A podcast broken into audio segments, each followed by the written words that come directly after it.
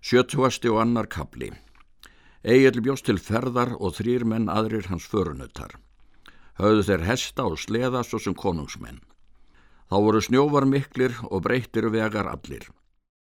Þá ráða þeir til ferðar er þeir voru búnir og ógluð upp á land og er þeir sóttu austur til eiða, þá var það á einu nóttu að fjall snjór mikill svo að ógerðla sástu vegana. Fórst þeim þá sendum dægin eftir því að kaflaup voru þegar aftók veginum.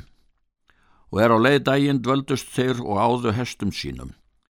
Þar var nær skóarháls einn. Þá mæltu þeir við eigil. Nú skiljast hér vegar en hér framundan hálsinum býr bóndi sá er heitir Arnaldur, vinnur vor.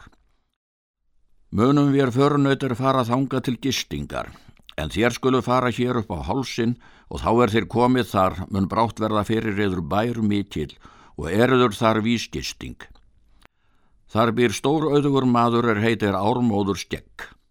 En á morgun árdegis skulum við hittast og fara annað kveld til Eida skóks. Þar býr góður bondi er Þorfinnur heitir. Síðan stiljast þeir.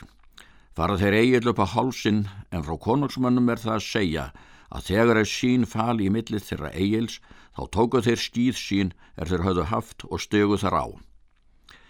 Letu síðan ganga aftur á leið sem þeir máttu. Fóru þeir nótt og dag og snýri til upplanda og þaðan norður um Dóvrafjall og léttu eigi fyrir en þeir koma á fund hákonar konungs og sögðu um sína ferð sem farið hafði. Egil og förnutar hans fórum kveldið yfir hálsin. Var þar skjótast af að segja að þeir fóru þegar að veginum. Var snjórin mikill. Lágu hestarnir á kafi annað skeið svo að draga varð upp. Þar voru kleifar og kjarskógar nokkurir en um kjörrin og kleifarnar var all torsótt. Var þeim þá sengan mikill að hestunum en mannferðin var henni þingsta. Mætust þeir þá mjög en þó komust þeir af hálsinum og sáu þá fyrir sér bæ mikinn og sóttu þangað til. Og er þeir komið í túnið þá sáu þeir að þar stóðu menn úti, ármóður og sveinar hans. Köstuðust þeir orðum á og spörðust tíðinda. Og er ármóður vissi að þeir voru sendimenn konungs þá bauð hann þeim þar gisting. Þeir þekktust það tóku húskarðar ármóðs við hestum þeirra og reyða en bondi bæð Egil ganga inn í stofu og þeir gerðu svo. Ármóður setti Egil í öndvegi á henn óaðra bekk og þar förnautar hans utar frá.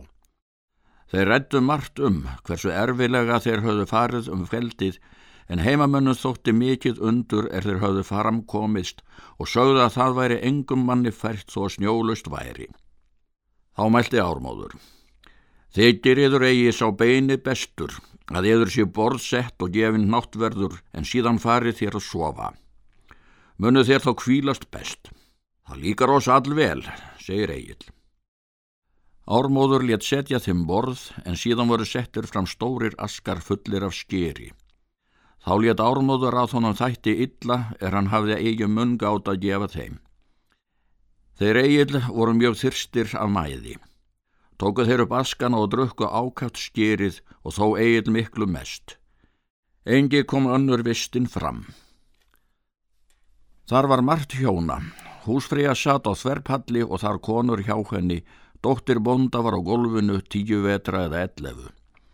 Húsfreyja kallaði hanna til sín og mælti í eira henni. Síðan fór mærin öðar fyrir borðið þar er eigil satt. Hún hvaðð.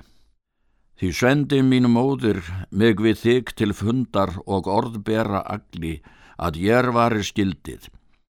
Heldur mælti þetta horna, haga svo maga þínum, eigu órir gestir aðra nesti á frestum. Ármóður löst meina og bað hann að þeia. Mælir þú það jannan er verst gegnir.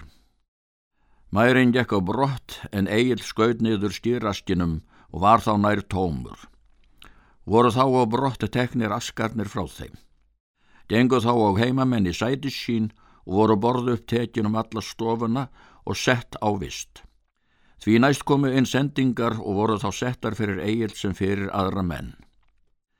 Því næst var ölin vorið og var það hér sterkasta mungátt. Var þá brott drukkin einmenningur. Stildi einn maður drekka af dýrshorni. Var þar mestur göymur að gefin Egil var og sveitungar hans. Skildu drekka sem ákavast. Egil drakka ósleitilega fyrst langar hríð, en er förnautar hans gerðust ófærir, þá drakk hann fyrir þá, það er þeir máttu eigi.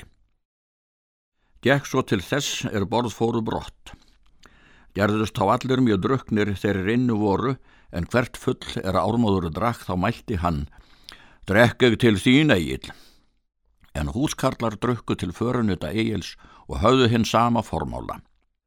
Maður var til þess fengin að bera þeim agli hvert full og eggjaði sá mjög að þeir skildu skjóttu drekka. Egil mæltu við förunuta sína að þeir skildu þá ekki drekka en hann drakk fyrir þá það er þeir máttu eigi annan við undan komast. Egil fann þá að honum myndi eigi svo búið eira. Stóð hann þá upp og gekkum góluðsvert þangaði rármáður satt. Hann tók höndum jakslir honum og knekti hann upp að stöfum. Síðan þeisti eigil upp úr sér spíjum mikla og gausi andlit ármóði, í augun og nasirnar og í munnin, rann svo á hann um bringuna en ármóði varð við andhlaup og er hann fekk öndina frá sér hrundið þá gaus upp spíja. En allir mæltu það að þeirri hjá voru húskallar Ármóðs að Egil skildi fara allra manna armastur og hann væri hinn versti maður af þessu verki er hann skildi eigi ganga út er hann vildi spýja en verða eigi að undrum inni í drikkjustofunni. Egil segir Eftir að hallmæla mér um þetta þótt ég gerir sem bondi gerir spýr hann af öllu afli eigi síður en ég. Síðan gekk Egil til rúmsins og settist niður bað þá gefa sér að drekka. Þá hvað eigil við raust. Týttir um verð að vátta, vættir berga að hættak, þung til þessar göngu þinni kinn ála minni. Öldra. Margra verð gests þar gistir, gjöld finnum skver sjaldan, ármóði liggra æðri, öldrar drekk í skeggi.